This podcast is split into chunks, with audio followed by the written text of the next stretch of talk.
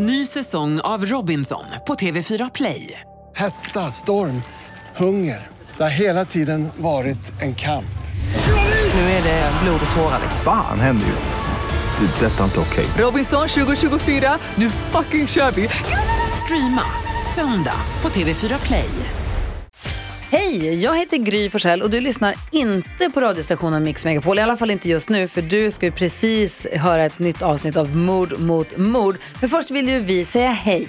Hej, hej, det här är NyhetsJonas. Det här är Carolina Widerström. Och här är Gullige Dansken. Ja, och så Gry då, då. Det vi vill säga är att när du har lyssnat klart på den här podden, då får du gärna lyssna på våran. Vi spelar in ett nytt avsnitt varje morgon av våra podd Kvartsamtal. Och hela radioprogrammet blir ju också en podd om man är väldigt morgontrött eller så. Just det, om man missar morgonen ja. Men mest av allt så får du gärna lyssna på programmet i direktsändning varje morgon på Mix Megapol. Live varje morgon från klockan sex och då har vi med oss massor med vänner också. Thomas Bodström, Babben Larsson, Johan Pettersson, Christian Luuk. Massor med coola människor som bara dyker upp och gör livet bättre. Ja, som jag, Gullige Dansken. Exakt så. Och så mycket bra musik och annat skoj såklart. Så vi hörs när du vaknar på Mix Megapol. Podplay.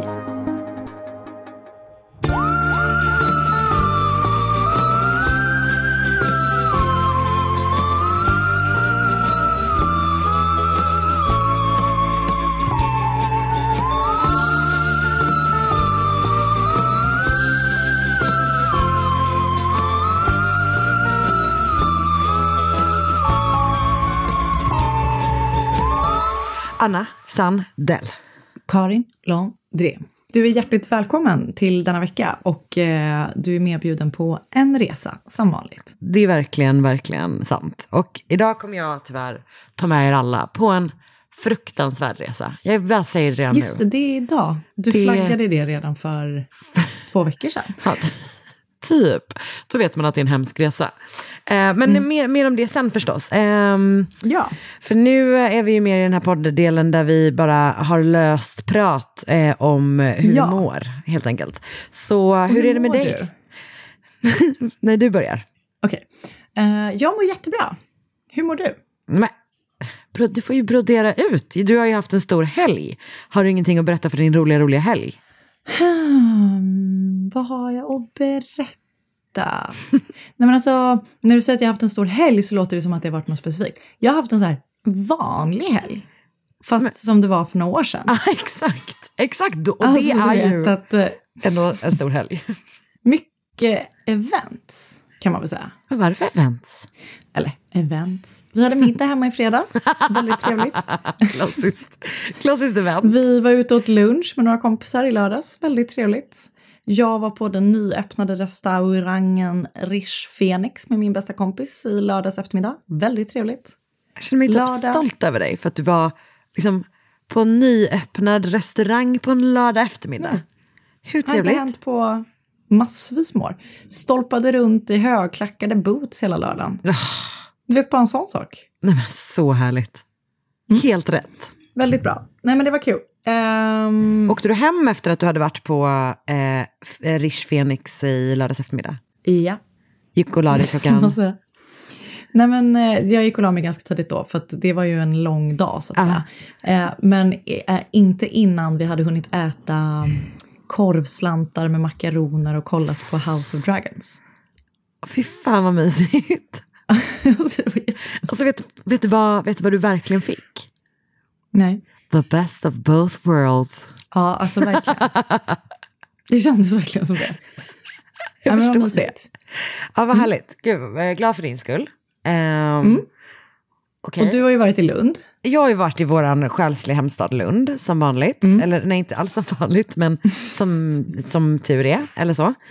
Eh, nej, men det, alltså, varenda gång man är där så slås man ju av hur jävla trevligt det är. Eller? Det är så jäkla mysigt. Och jag känner så mycket himla mycket att jag fortfarande när den här drömmen om att du och jag och Marcus och Oskar ska vara i Lund tillsammans. Typ. Alltså, vi hade haft en Ja. så härlig stund. Men alltså, det, it's not too late man. Nej, jag vet, jag vet. Men vi borde verkligen eh, göra det, är bara det jag Jag vet, jag håller verkligen med. säger. Alltså, jag tror typ att Lund, eh, alltså det kan vara Sveriges trevligaste stad. Alltså jag håller verkligen med.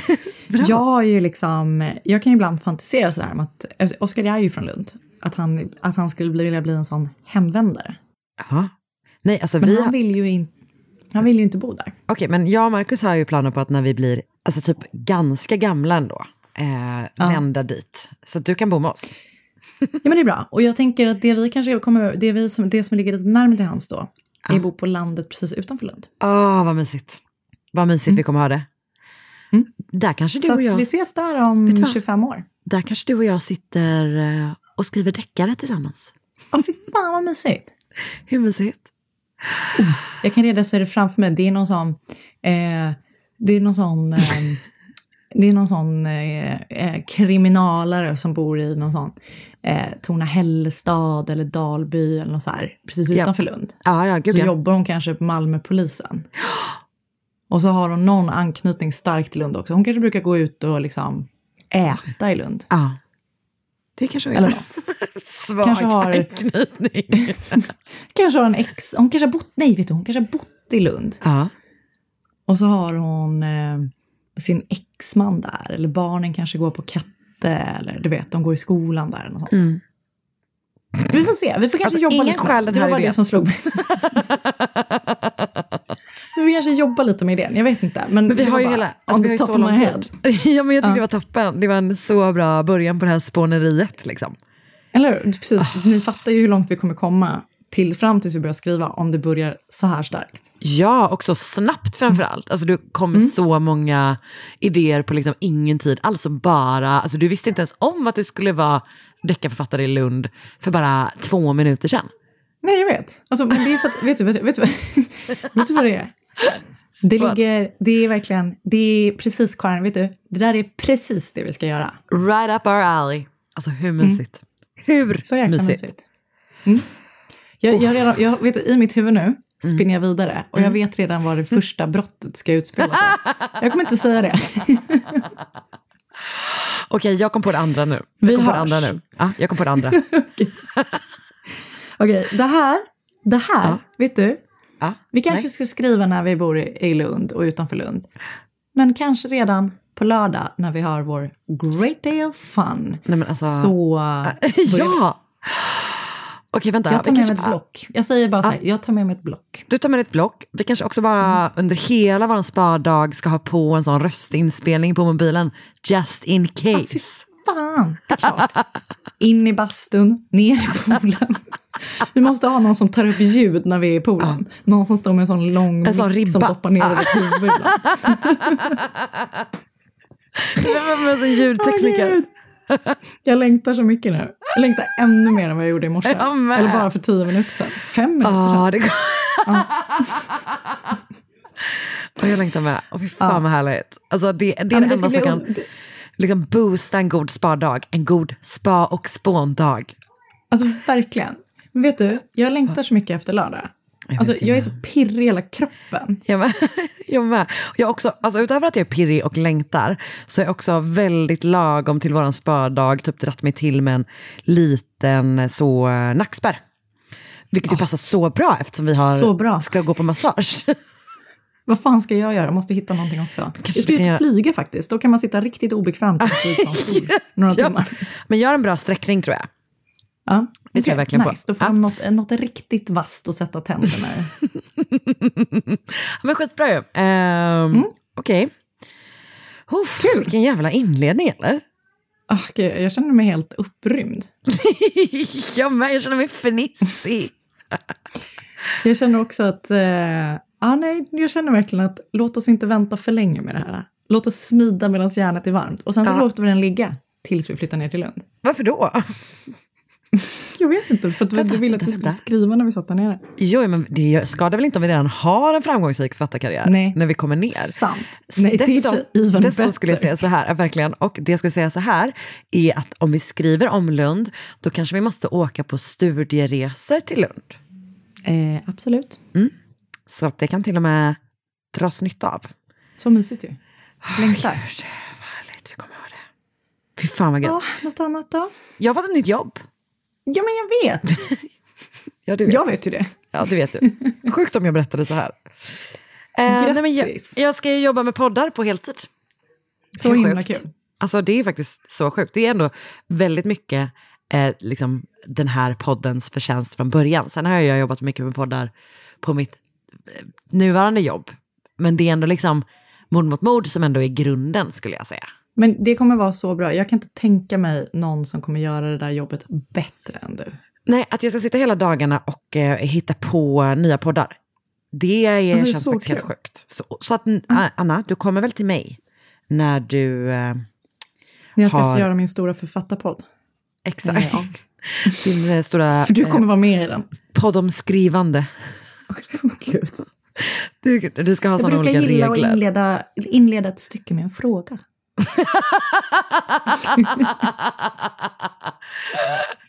Mitt första avsnitt. Varje stycke. Så jobbigt. Så jobbigt att läsa och så jobbigt att skriva. Men, så härligt. Och on that note, eh, ska vi börja eller? Ja! Ny säsong av Robinson på TV4 Play. Hetta, storm, hunger. Det har hela tiden varit en kamp. Nu är det blod och tårar. Fan händer just nu. Det. är Detta är inte okej. Robinson 2024, nu fucking kör vi! Streama söndag på TV4 Play. Ett poddtips från Podplay. I podden Något Kaiko garanterar östgötarna Brutti och jag, Davva, dig en stor dos skratt.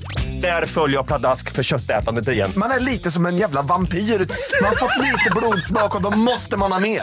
Udda spaningar, fängslande anekdoter och en och annan arg rant. Jag måste ha mitt kaffe på morgonen för annars är jag ingen trevlig människa. Då är du ingen trevlig människa, punkt. Något Kaiko, hör du på Podplay. Därför är gardinerna.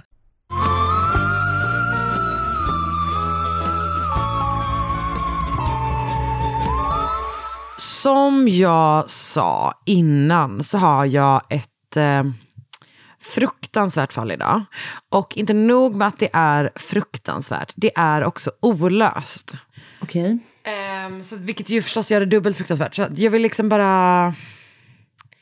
Det är liksom grovt och jättehemskt och dessutom olöst. Ehm, men det, var, det drog i mig ändå. Liksom. Men, men jag vill ändå bara säga det eh, redan från början. Och jag kommer förstås inte... Men det, är så det, är, ett sånt fall där det är lite svårt att inte berätta vissa detaljer för att man typ inte förstår det om du fattar. Så att, eh, ja, det kommer vara lite grafiskt helt enkelt. Jag tror att du kommer göra det fint och värdigt. Ja, jag hoppas det, men det är liksom inte ett fall som är så lätt att göra typ.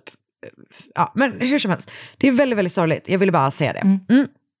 Okej, så att eh, då börjar jag så här. Det är den 19 januari 1996 och vi befinner oss på Nanjings universitetsområde i Jiangsu i östra Kina. Det är en kvinna som städar en gata på liksom Nanjings campus när hon ser vad hon tycker ser ut som en påse med kokat kött som någon har slängt. Mm. Uppenbarligen, och det här är också väldigt, väldigt sorgligt, eh, den här kvinnan är uppenbarligen så pass ekonomiskt utsatt att hon bestämmer sig för att ta med sig det här köttet hem för att äta det. Nej. Och jag tror typ att det är så här, jag skulle gissa att hon, du vet att hon kanske tror att det är någon restaurang som har slängt det eller sådär liksom. Ehm, Men så hon tar med sig det hem och börjar liksom skölja av det först. Eh, Det är liksom skuret i kuber typ. Men under tiden som hon håller då på att skölja av det här köttet i den här påsen så hittar hon något som får henne då att tvärt avbryta vad hon håller på med. Hon hittar tre människofingrar. Nej.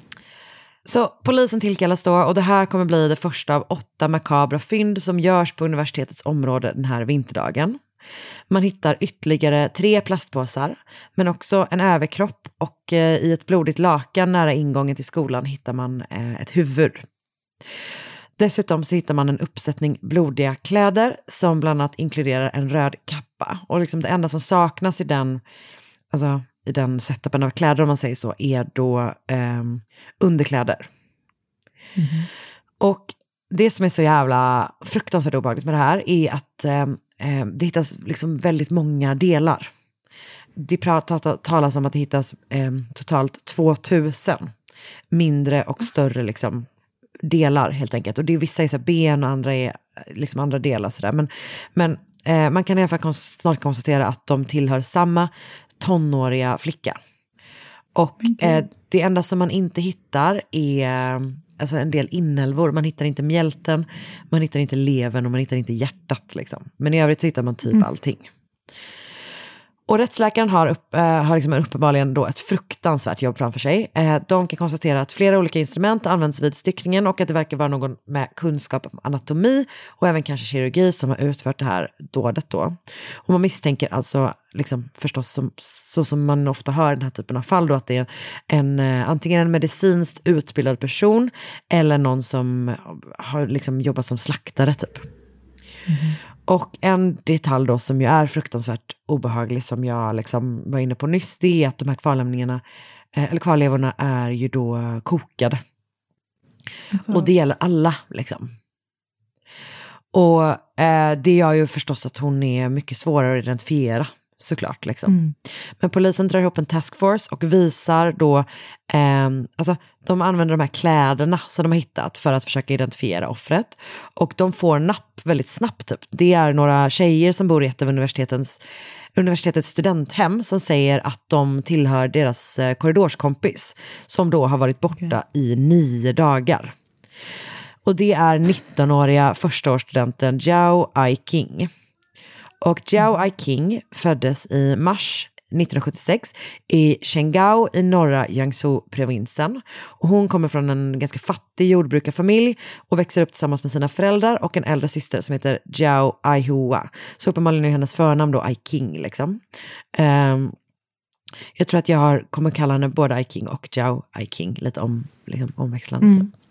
Och eh, det verkar som att systern nog kanske har försökt komma in på universitetet men att hon till slut har eh, hoppat av skolan för att istället börja jobba för att vara med och kunna typ försörja familjen. Och istället har man då låtit Jao försöka. Eh, och vid andra försöket så klarar hon antagningsprovet och kommer in. Och jag läste en väldigt bra sammanfattning av det här fallet på Reddit. Eh, det här ämnet Who killed and dismembered Joe I. King. Personen som har skrivit i inlägget menar att det nog fanns en chans att familjen satte liksom väldigt stort hopp till I. King. Typ. Alltså att hon, man gav henne möjligheten att skapa ett annat liv för sig själv, men i förlängningen också för familjen typ. För att så som den situationen som de var i verkar mer ha varit liksom ett så här, man brukar jorden för att få ihop till sin egen mat, liksom att det var ett ganska, ett liv som var svårt att, svårt att bryta sig ut från om du förstår. Det är lite oklart vad Iking pluggade. Enligt vissa källor så pluggade hon för att bli lärare. Enligt andra så läste hon någon slags IT-utbildning. Men hur som helst så var Nanjings universitet en bra skola med gott rykte. Och Jiao King var en lovande student. Hon var duktig, hon var arbetsam. Alltså hon känns som att hon var väldigt liksom allvarlig typ. Och hon var också tillbakadragen och lite sådär inåtvänd. Hon hade haft svårt att skaffa kompisar på skolan. Så trots att hon varit där i tre månader när hon försvann och trots att hon då bodde i ett studenthem i en, liksom någon slags korridor så hade hon egentligen inga vänner. okej. Och på studenthemmet så hade hon någon slags ordningsmannaroll typ. Eh, så hon var liksom ansvarig lite grann för att alla skötte sig i korridoren typ. Och den 10 januari så hamnade hon i konflikt med, alltså det beskrivs i, på olika sätt i olika källor. Antingen så hamnade hon i konflikt med sina korridorsgrannar för att någon av dem, dem hade använt någon slags elektrisk apparat, vilket var förbjudet. Eh, och att hela korridoren straffades kollektivt för det. Alltså rimligt att hon typ var upprörd för det. Det är ju liksom helt stört såklart. Eh, men det verkar också som att hon istället kan ha varit upprörd på universitetet för att man straffade hela korridoren kollektivt när en person typ hade gjort ett fel. Så att antingen var hon liksom, hade hon ett bråk med sina korridorsgrannar eller så hade hon ett bråk med typ de ansvariga på universitetet. Det är lite oklart. Men det, hon var i alla fall en del av en liksom konflikt typ. Eh, och eh, hon var en del av konflikt för någonting som hon inte hade gjort. Sådär. Vid sextiden på kvällen den 10 januari så lämnar hon då korridoren för att liksom typ, alltså du vet, hon är så in a huff typ. Alltså hon ska liksom ta en sur promenad helt enkelt.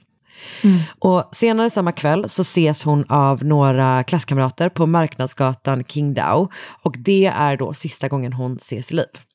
Och dagen efter så anmäler hennes korridorskompisar hennes saknad till en universitetet för att hon inte har kommit tillbaka liksom. Men universitetet i sin, kontaktar i sin tur inte hennes familj. Okej. Och de eh, har haft ganska sporadisk kontakt sedan hon åkte till, till universitetet. Alltså, det verkar som att det fanns någon slags tanke om att hon typ inte skulle störas i sina studier utan att hon helt och hållet skulle kunna fokusera typ. Och därför vet de då inte om att hon är borta förrän universitetet berättar det. Eh, nio Men dagar senare när de då hittar hennes kvarlevor över hela campuset. Så de har ingen aning om att hon är borta. Nej, det är så jävla fruktansvärt verkligen. Så jäkla hemskt. Zhao Aikings föräldrar åker till Nanjing där de identifierar sin dotter. Och eh, de identifierar henne med ett liksom, födelsemärke på ena kinden som hennes mamma typ känner igen. Det är så hemskt. Alltså fan. Och, eh, och polisen, de gör verkligen så här, de sätter igång en ordentlig utredning typ. De går på alla spår de har. Och de kan gå, då konstatera konstatera att det finns blod på kläderna som inte kommer från flickan. Men man verkar inte ha rätt teknik för att typ kunna alltså, gå vidare därifrån typ. Alltså få fram en DNA-profil eller så. Um, man försöker ta reda på var plastpåsarna som man har hittat kvarlevor kom ifrån, men de visar sig vara för vanliga för att det ska kunna leda någon vart. Man förhör massor av studenter och lärare och man riktar då särskilt in sig på medicinstudenter. Um, och för den här skolan har då liksom en väldigt stor medicinsk fakultet typ. Och enligt rättssäkaren då så verkar ju e- den här gärningspersonen ha- kan ha haft någon medicinsk utbildning. Och det verkar som att man under någon period har typ en misstänkt specifik liksom läkarstudent. Men det verkar som att det är, man snart lägger ner då utredningen mot honom. Ehm, och polisen söker också igenom alla studenthem. Men de söker också igenom massor av typ eh, professionella kök, alltså stora kök. Eftersom eh, man måste ha haft någon slags, alltså, någon slags utrymme där man har kunnat utföra Just det här det. dådet helt enkelt. Mm. Ehm, de förhör och undersöker alla studenter, eller utreder alla studenter som varit nära Zhao Aiking och även alla välkända gärningspersoner som bor i närheten av skolan som är liksom dömda för andra brott. Man åker också till Zhao Aikings hemstad och gör typ samma saker där. Alltså typ man liksom utreder alla kök, man utesluter alla personer, man gör hur mycket som helst. Och Eh, för att man tänker att någon då kanske har, i och med att hon har ändå varit så himla kort på skolan, det är bara tre månader, så man tänker att någon därifrån hade kunnat åka dit då. Liksom. Så de gör massor, men ingenting leder någonstans. Efter tre månader så lägger man ner utredningsgruppen och för många faller då Zhao Aiking eh, och det här fruktansvärda brottet i glömska. Förstås inte för hennes närstående och förstås inte heller för dem som eh, var där när hon försvann. Men eh, åren går och eh, alltså, internet blir allt mer utbrett och liksom webbsleuth communityt typ växer. Och de typ upptäcker det här fallet. Och som sagt, fallet är olöst, eh, men det finns ett par olika teorier, så jag, jag tycker typ inte att det är, no, de är inte toppen. Men eh, här kommer de i alla fall. Så delvis är det någon random typ blogger eller om det är någon random på ett forum som har en teori som blir väldigt, väldigt spridd. Som är att Zhao Aiking älskade metal, alltså musikstilen.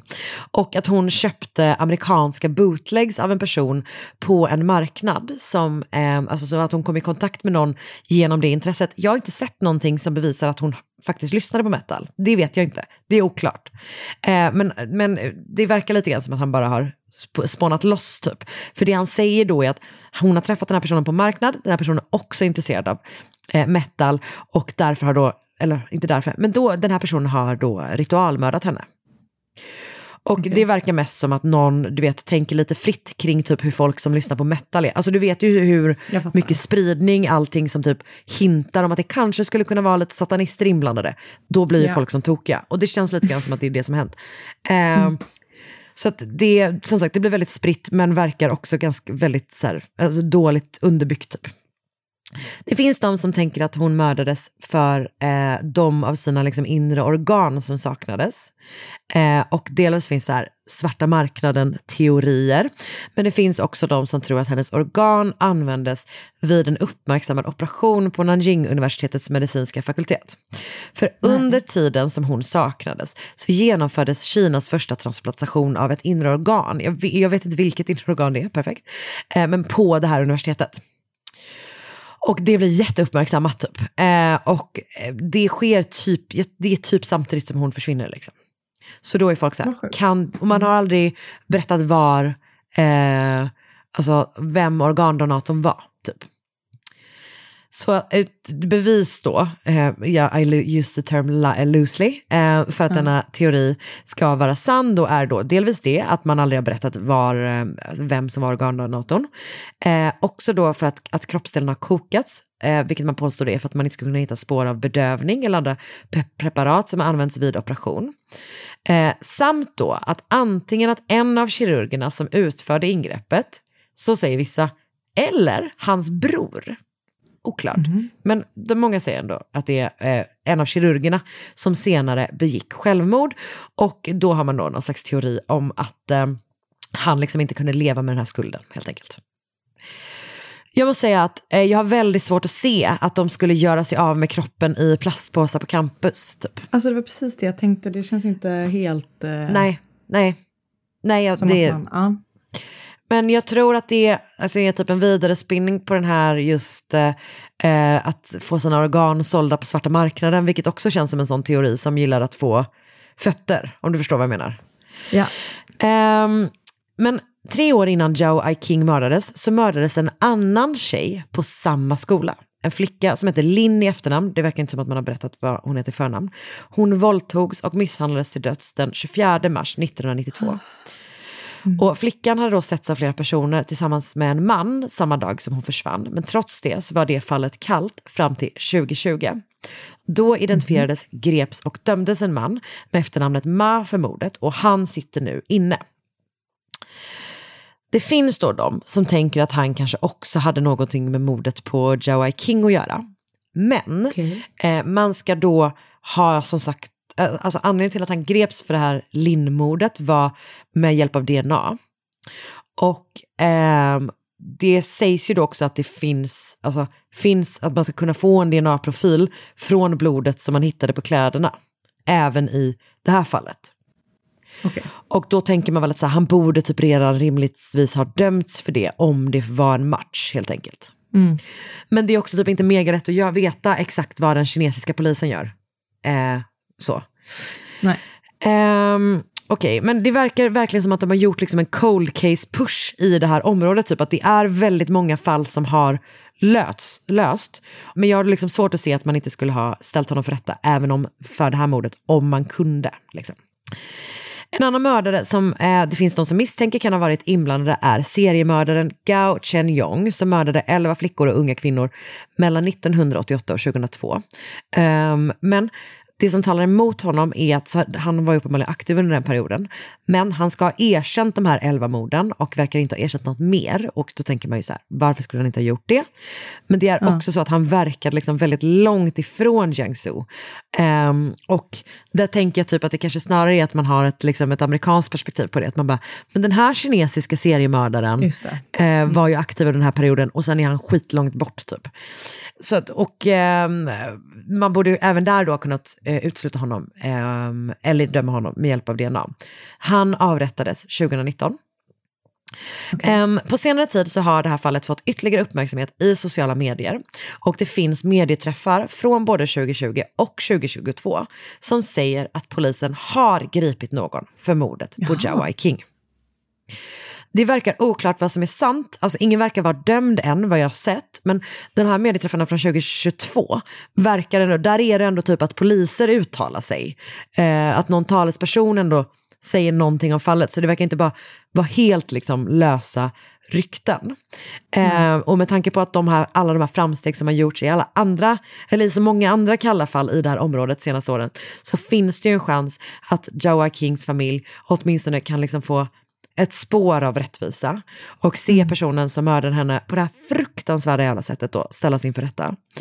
Ehm, och förra året så inledde de, alltså hennes familj, den enda liksom möjliga rättsprocessen i nuläget när de stämde Nanjing-universitetet för, ehm, alltså baserat på, för deras liksom inblandning i mordet. Och det baseras på lite olika saker. Delvis då den här kollektiva bestraffningen på hela korridoren som gjorde att Jawa King eh, blev arg och typ lämnade sitt, sitt studenthem eh, när hon försvann.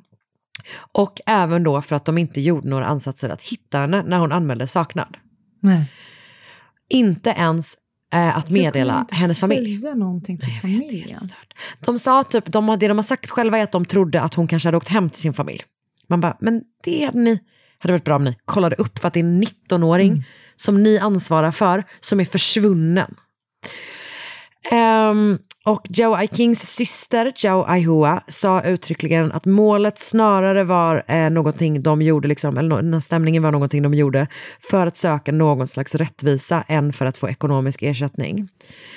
Och jag vet faktiskt inte riktigt vad som har hänt med det målet, för det liksom finns inte engelskspråkiga källor som tar upp det riktigt. Men en fruktansvärt sorglig sak på, i det här liksom fruktansvärt sorgliga fallet är att eftersom ehm, utredningen aldrig har stängts så har familjen aldrig fått tillgång till Joes, eh, Joa Kings kvarlevor. Så Nej. de har liksom aldrig fått begrava sin dotter och syster. Och jag hoppas verkligen bara att de här nya spåren som ändå liksom skrivs om, som polisen ändå verkar prata om, ska leda till någonting och att de då till slut ska få reda på vad som hände med henne. Lite mer åtminstone. Och det var det fruktansvärt sorgliga fallet eh, med mordet på Jawai King eh, i Kina, Jiangsu. Och jag läste den här Reddit-tråden Who killed and dismembered Jawai King. Jag har lyssnat på Kina-delen av podden Destination Murder, avsnitt 14, Iran and China. Jag läste Wikipedia. Jag läste en artikel av Frank Hosak på The Nanjinger med rubriken Nanjing University sued for murder in city's most gruesome killing. Jag läste en artikel av Robert Foyle Hunwick på The China Project med rubriken China Unsolved, The Black Dahlia of Nanjing, för det är då ett av namnen som det här fallet har. Andra är, om man liksom vill läsa mer om det här fallet så kallas det också för The Nanjing University Mutilation Case, eh, The Nanjing U- University Dismembering Case, eller Nanda for short, eller 119 Case, alltså för att det skedde då den 19 januari 1996. Men usch vad hemskt. Jag, alltså, ja, ja, du förstår var min varning kom ifrån, men du förstår nog också varför jag typ ändå ville berätta om det. För att det, Så jag vet inte, det liksom sög tag i mig sådär som Jag förstår det. vissa fall gör. Ja, I'm Men sorry. tack för att du berättade Karin. Mm, tack för att du lyssnade. Nu ska det bli intressant att se vad du har att bjuda på. Ett poddtips från Podplay. I podden Något Kaiko garanterar östgötarna Brutti och jag, Davva, dig en stor dos skratt. Där följer jag pladask för köttätandet igen. Man är lite som en jävla vampyr. Man har fått lite blodsmak och då måste man ha mer. Udda spaningar, fängslande anekdoter och en och annan arg rant. Jag måste ha mitt kaffe på morgonen för annars är jag ingen trevlig människa. Då är du ingen trevlig människa, punkt. Något Kaiko, hör du på Podplay. Därför är gardinerna.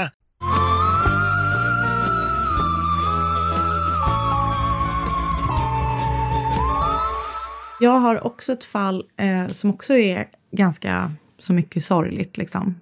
Det är lite, det är lite olika delar i, varav en del är fruktansvärd. Men jag börjar, så tar vi oss igenom det här tillsammans. Japp.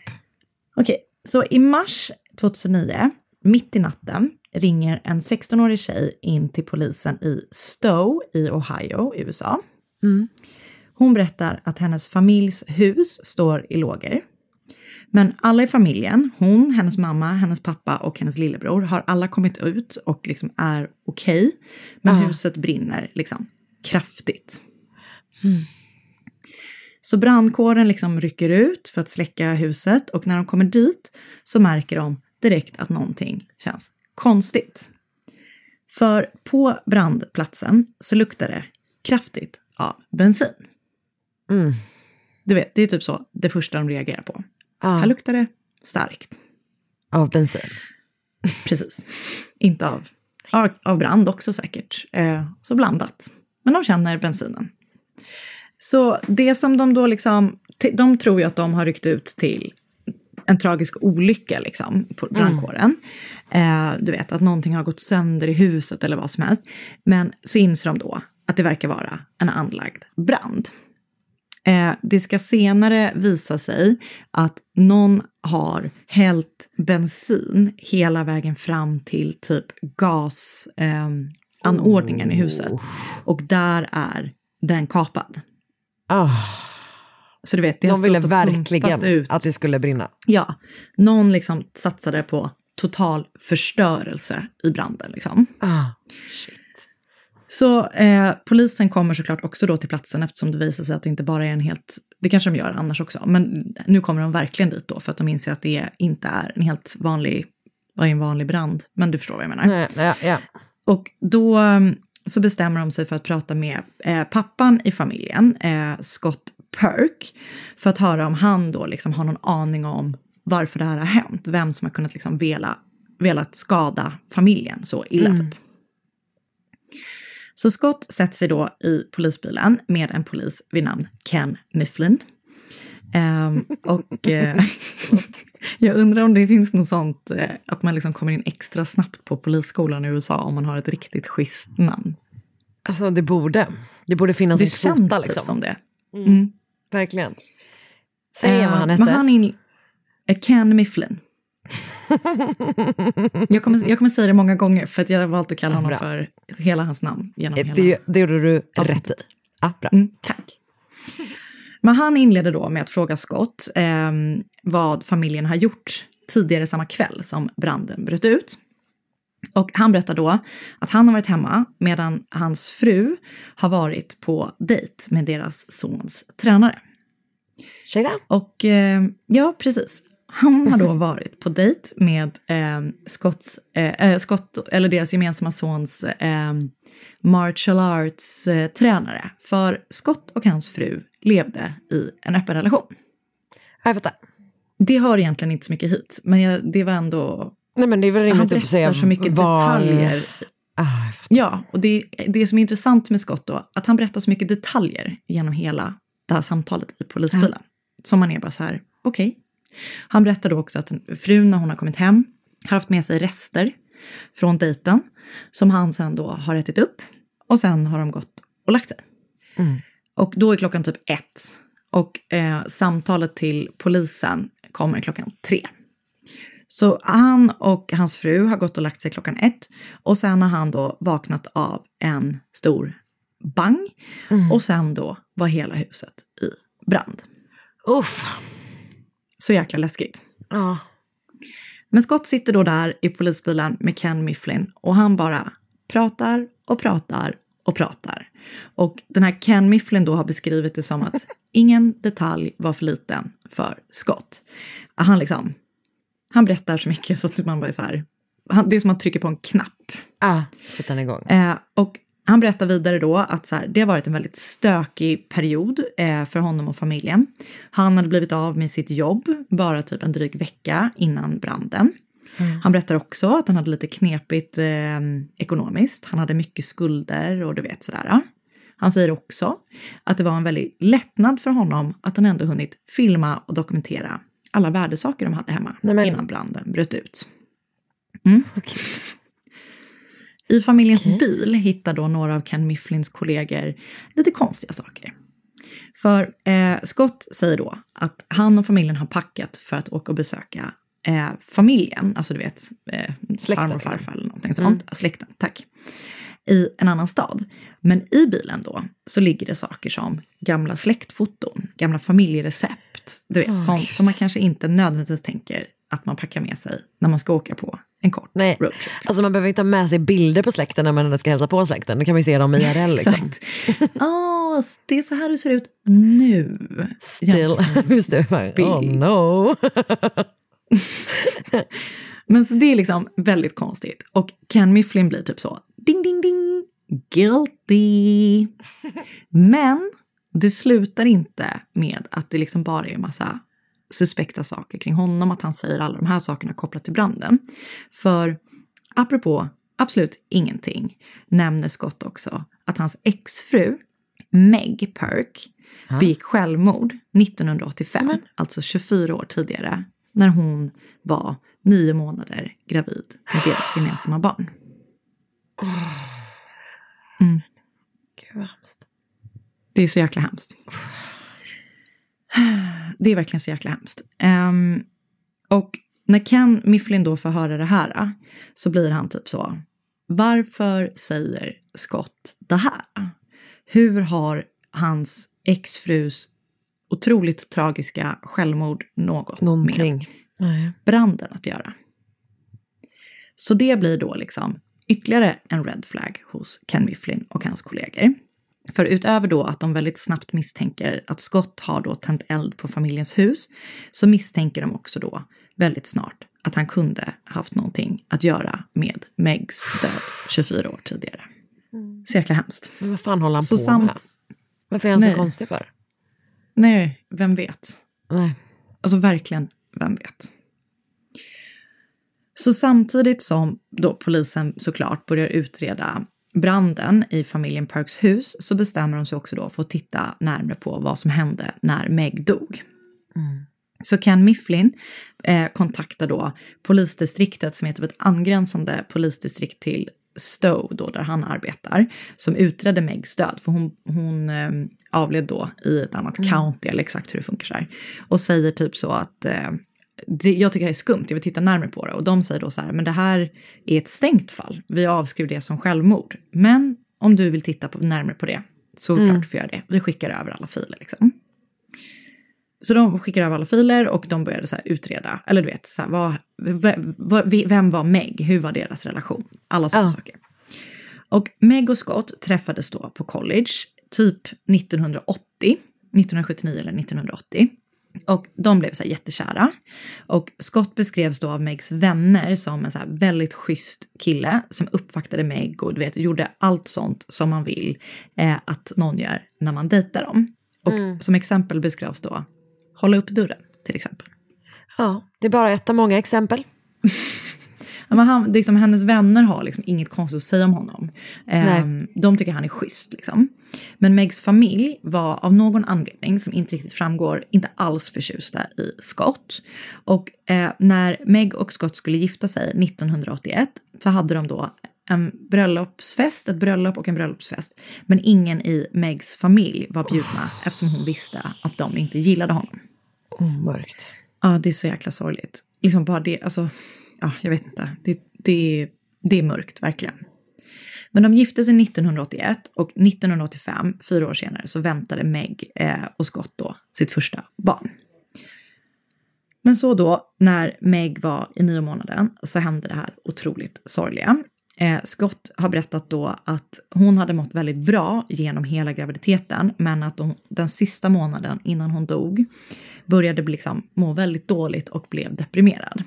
Mm. Så han berättar då att han har legat i badet en morgon. Jag tror att det här också var i mars 1985. Och han berättade då att han hade haft badrumsdörren på glänt. Och då hade han sett Meg gå förbi utanför dörren. Och sen har han då klivit upp i badet några minuter senare och när han då kom ut så såg han att Meg hade hängt sig i trappavsatsen i deras lägenhet. Han berättar sen då att han har fått eh, panik och försökt få ner henne men att han inte har lyckats med bara händerna så att han har då fått ta en kniv och skära ner henne. Sen har han då försökt få liv i henne och eh, kallat på ambulans och allt sånt där. Och när ambulanspersonalen kom till platsen så hade hon en svag puls. Så de försöker liksom återuppliva henne eh, och eh, liksom rädda henne och barnet. Men eh, tyvärr avled både Meg och deras barn ungefär ett dygn efter att eh, Scott hade hittat henne. Och det är så jäkla sorgligt. Det är tungt så in i helvete. Ja. Det är, usch. Ehm, och redan då, 1985, så tyckte polisen att det liksom var märkligt allting kring eh, Megs död. För det första så är det liksom väldigt ovanligt att någon går igenom en hel graviditet och sen gör så här. Ja. Det är också väldigt ovanligt att någon begår självmord när någon är hemma. Alltså du vet, de hade massa Ja. så här, jag, jag vet inte, men det var deras parametrar som var att det är, så- det är konstigt typ. Japp. Ehm, och hennes familj var bara så här, det är helt orimligt att hon skulle ha gjort det här mot sig själv. Och hon gladde sig så mycket för att hon skulle bli mamma. Du vet, polisen hittade ett brev som Meg hade skrivit till sin mormor, typ en vecka innan hon hittades eh, död, men som hon då inte hade hunnit postas, där hon liksom skrev om hur liksom glad och lycklig hon var inför det som komma skulle. Eh, men det fanns då liksom inga bevis för att någonting annat än det Scott sa eh, hade hänt. Och eh, Scott typ visade upp en dikt som, för hon skrev väldigt mycket dikter och du vet så här. Så han visade en dikt som hon då hade skrivit som slutade med att kvinnan som dikten handlade om tog sitt liv och han menade då att det här var ett typ av självmordsbrev. Men hennes familj var så här, men det där är en gammal dikt som hon skrev flera år tidigare. Den är inte alls, liksom, det går inte att säga det för att den är typ skriven fem år tidigare. Ja men också, hon har skrivit en dikt. Vet du vad, när jag var Nej. liten skrev jag, skrev jag ju bara böcker som avslutades med att huvudpersonen tog livet av sig. det är sant. Jag skrev ju en deckare en sommar. Ja men gud, nu är det Den dags var igen. 12 A4-sidor. Kanske ska bli bas, basen för... Okej, nu återgår vi. Ja, sorry, eh, Ja, off ja. topic. Nej men ehm, det, det säger ju verkligen ingenting. Och det säger också hennes familj att bara, det där är inte ett tecken på, alltså det där är inte, det där kan du inte säga är en, en avskedshälsning. Och, bo- men och annars, det, hennes, både hennes bror och hennes bästa vän berättade om att hon tidigare pratat om att begå självmord. Du vet. Det, det fanns lite så här olika parametrar av det. Men till slut då så stängdes det och det Mo- Megs död avskrevs då som självmord.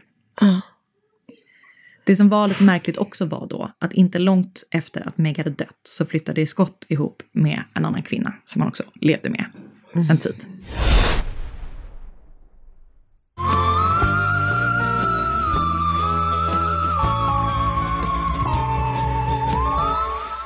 En annan udda sak som polisen får reda på om Scott eh, är att han knappt ett halvår efter att Meg dött hamnade i fängelse.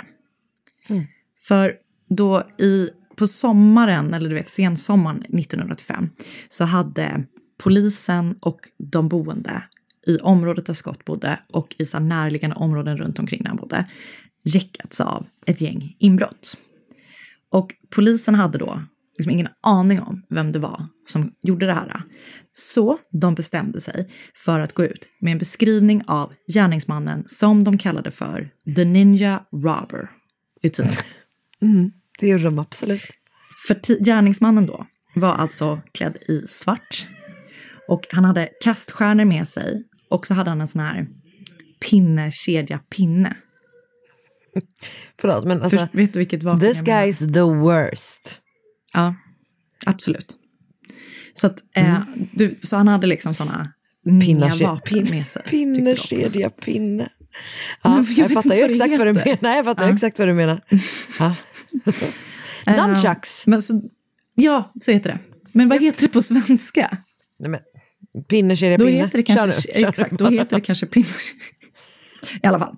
Eh, så de går då ut med den här beskrivningen och då kontaktades eh, polisen av en vän till Meg från början, men som då hade också umgåtts mycket med Scott och Meg som par. Och hon var så här, det där låter precis som Scott Perk. Alltså mardröm att folk bara, att de hör om någon som bryter sig in i folks hem utklädd till ninja med kast, kaststjärnor och pinne, kedja, pinne och bara så här, Mm. det där låter som precis som Anna. Jag antar att det fanns någon mer beskrivning, för jag vet inte om det var bara det hon kunde gå på. Men, men hon är i alla fall bara så här, det är Scott Perk. Uh, I know it. Så polisen då plockar in honom och eh, det visar sig såklart att han är den skyldiga. För han erkänner typ direkt när han plockades in. Och han sa då att det var Megs liksom, självmord som hade fått honom att du vet, tappa balansen i sitt liv och då bli kriminell. Och han verkar då ha begått 11 rån och ett gäng BNI, breaking and enter, entering, heter det så? Ja, in, inbrott. Eh, precis, men jag tyckte det var kul att förkortningen som Ja, förstår. sa var BNI. Ja, jag förstår, jag förstår. Ehm, och då hade han gjort sådana inbrott som är typ det läskigaste jag vet. Eh, han hade brutit sig in när folk låg och sov, tittat på dem när de låg och sov och sen tagit det som låg på nattduksbordet och sen gått ut igen. Det där är verkligen som jävla eh, Golden State Killer shit liksom. Ja, Och så jäkla obehagligt. Fan vad läskigt. Mm. Men han erkänner liksom allting. Det är inte ens, du vet, det blir inte ens, det verkar inte ens bli någon, någon eh, något så här, ja, han erkänner med en gång typ. Ja. Så han döms då till sex år i fängelse för de här inbrotten och rånen.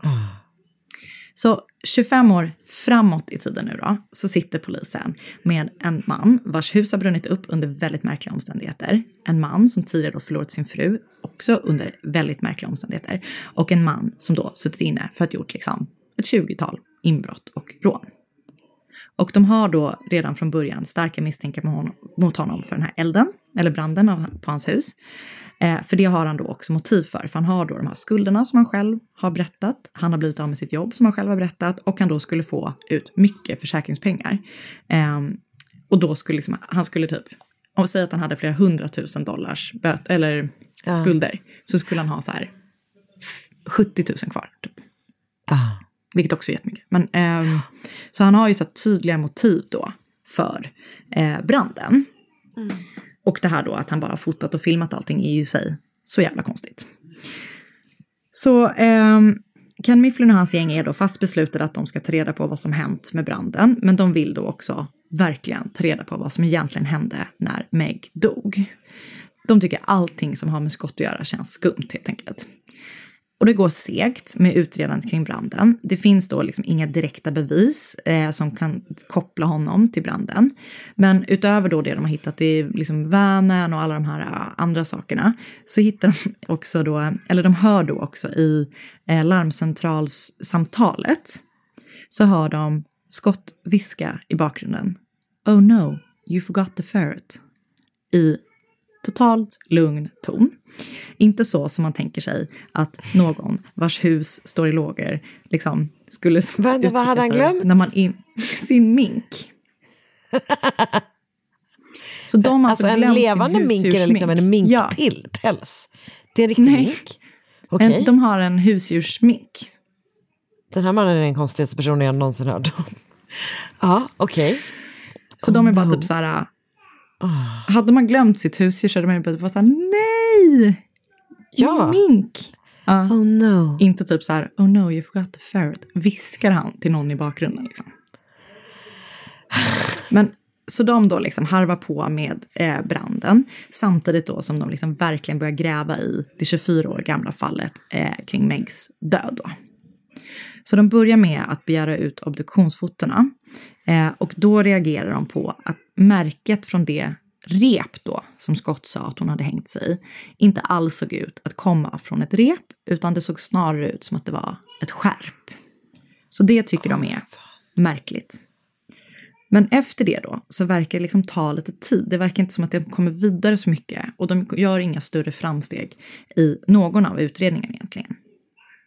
En ganska exakt ett år efter branden hemma hos Scott så brinner det igen i ett annat hus i samma område. Kvinnan som bor i huset har ingen aning om vem som skulle göra det här mot henne. Liksom. Det visar sig att hon har, själv har inga motiv så som eh, Scott Som hade, hade att tända eld Mm. på sitt hus. Och det, hon bor, i liksom, det är ett parhus som hon bor i. Och det bor liksom en annan kvinna i den andra delen. Och inte heller hon har något motiv för att liksom tända eld på Nej. deras gemensamma hus. Ingen av dem har någon koppling till Scott. Eh, du vet, de har, vet inte, har ingen aning om vem han är.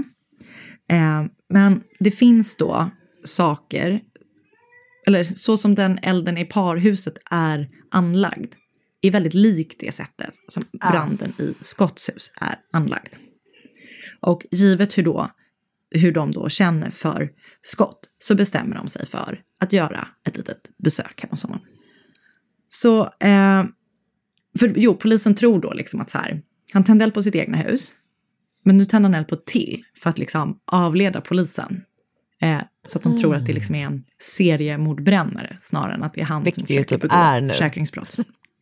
Ja, det blir ju det. Ja. Så, ehm, men, men eh, så de då åker hem till Scott. De, Scott och hans familj bor i typ något sånt tillfälligt hem, liksom, medans, eller eftersom de, deras hus brann upp. Mm. Och de har med sig då en husrannsakan. Och hemma hos Scott så hittade polisen ett par leriga stövlar och en bensindunk. I bilen som han kör hittar de också saker då som tyder på att han kan ha varit på väg bort från staden. För det är liksom lite packat med lite så konstiga saker och hans mobil ligger i bilen och i den så har han då plockat ut batteriet. Vilket får då, det tillsammans med hans packning i bilen får polisen att vara så här, han var på väg att dra. Liksom. Och batteriet var då utplockat för att de inte skulle kunna spåra hans mobil. Just om det nu är så det funkar. Så till slut då tycker polisen i alla fall att de har tillräckligt mycket för att gripa Scott för två fall av mordbrand. Men de känner sig såklart inte färdiga med honom för det. Eh, och de har ju redan begärt ut de här obduktionsfotona och de är helt övertygade om att det är något som inte stämmer.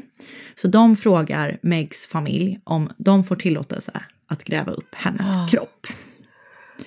Och ehm, nu är vi ju liksom 24 år framåt, det finns en helt annan typ av ehm, Liksom man kan, rättsläkarna är utbildade på ett helt nytt sätt. Alltså det finns ju massa nya tekniker, alla sådana saker. Och Megs kropp var så välbevarad trots alla de här åren som går. Så att rättsläkarna kan liksom göra en helt ny eh, obduktion på henne. Ah. Och de kan då avgöra att märket runt Megs hals inte är från ett rep utan det är mycket mer troligt att det är från ett skärp. Hon hade också ett märke runt sin bröstkorg som man då 1985 trodde var ett märke från hennes bh. Men som man nu då snarare tror kommer från ett rep. De hittade också blåmärken på hennes rygg. ehm, och du vet, det är mycket saker då som inte riktigt stämmer överens med det händelseförloppet. Alltså rätt my- mycket mm, kroppsliga liksom, tecken som inte stämmer överens Ja, med, med det, det som, som han hans berättelse. Liksom. Japp. Så polisen tror då liksom att han har eh, helt enkelt strypt henne med ett skärp. Och sen har han då knutit ett rep runt hennes kropp för att liksom dra henne till platsen där hon sedan hittades. Något som de också gör då, eh, nu är vi framme i typ slutet på 2010, till skillnad från vad de gjorde då 1985, är att de gör liksom en utredning på platsen där Meg då enligt Scott hade hängt sig. Du vet, de typ hänger olika så här, för att testa typ om det blir märken och sånt där. Och ingenting, alltså den hade inte håll, hållit för det. Det hade blivit märken ser de, alltså du vet det är massa så här konstiga saker som de då upptäcker. Det stämmer men inte, Drygt liksom. 25 år efter. Att ingenting i Scotts eh, berättelse eh, stämmer.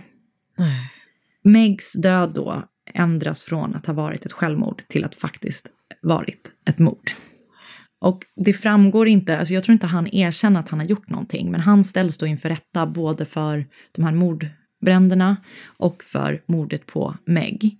Och eh, han beskrivs liksom som att han är väldigt smug i, genom båda rättegångarna. Det är inte som att han liksom är sorgsen, utan han verkar liksom vara ganska obrydd typ. Ganska så här, du vet, så överlägsen typ.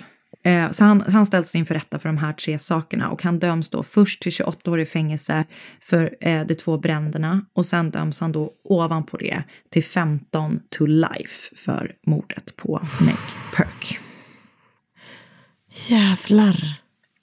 Alltså, och det är den här Ken Mifflin då, han beskriver typ som att så här, men han tyckte typ att han var så himla smart. Och det är väl typ alltså, att han så här har kommit undan med det så länge får väl honom att tro att han typ är helt home safe liksom. Så och han bara sitter och bara. pratar och pratar och pratar liksom. Det är så jävla konstigt. Mm. Det är så jävla konstigt. Men alltså, gud, jag sitter så ont i magen, hur kan jag göra? Alltså vidrig, Nej, jag vet- nej, vidrig, vidrig nej, människa. Ja, nej. Oh, fy fan vad hemskt. Mm. Men han, ja gud. Ja, det är verkligen den grejen att vara så här, jag kan lika gärna sitta här och berätta allting för att ni kommer typ ändå inte komma åt mig. Åh. Men typ. Okej, men ehm, glad att han till slut åtminstone, att hans Äntligen jävla han bullshit fast. charade inte längre eh, höll upp. Verkligen. Uff, okej. Eh, väldigt sorgligt. Och jag har läst How throwaway comments snared a murderer. Arson suspect, suspect made detectives suspicious when he started talking about his pregnant wife who committed suicide and they reopened investigation to prove he killed her. By Lauren Edmonds på Daily Mail. Alltså de måste jobba lite med Jag vet. Ehm, Men det är inte deras enda så- problem. Nej, nej, i och för sig. Eh, man who murdered pregnant wife and staged her suicide caught after exhumation, exhumation Mm. något sånt, av Becka van Sandbeck eh, på eh, Oxygen, True Crime. Och eh, de har också gjort ett avsnitt av Exhumed eh, om det här fallet. Eh, så har jag läst The Murder of Meg Perk Solved After 24 Years of, av AV, A.W. Naves på medium.com. Så jag har lyssnat på Secrets from the Grave på Dateline och ehm, The Murder of Meg Perk, Perk Not Your nor Normal Murder. Uff, det där var så hemskt. Det var så, så hemskt. Men det, det var också väldigt eh, eh, intressant. Jag hade inte hört om det innan och jävlar vad jag hatar den killen. Alltså, the worst. Men du är inte the worst. Och det är heller Nej, och inte ni inte som lyssnar. Nej. Ehm, Vi är bra. Så ta hand om er. Så hörs vi nästa vecka igen. Det gör vi. Ehm, Tack för idag. Tack för idag. Hej då! Hej då! Ett poddtips från Podplay. I fallen jag aldrig glömmer djupdyker Hasse Aro i arbetet bakom några av Sveriges mest uppseendeväckande brottsutredningar. Går vi in med hemlig telefonavlyssning och, och då upplever vi att vi får en total förändring av hans beteende. Vad är det som händer nu? Vem är det som läcker? Och så säger han att jag är kriminell, jag har varit kriminell i hela mitt liv men att mörda ett barn, där går min gräns. Nya säsongen av Fallen jag aldrig glömmer på Podplay.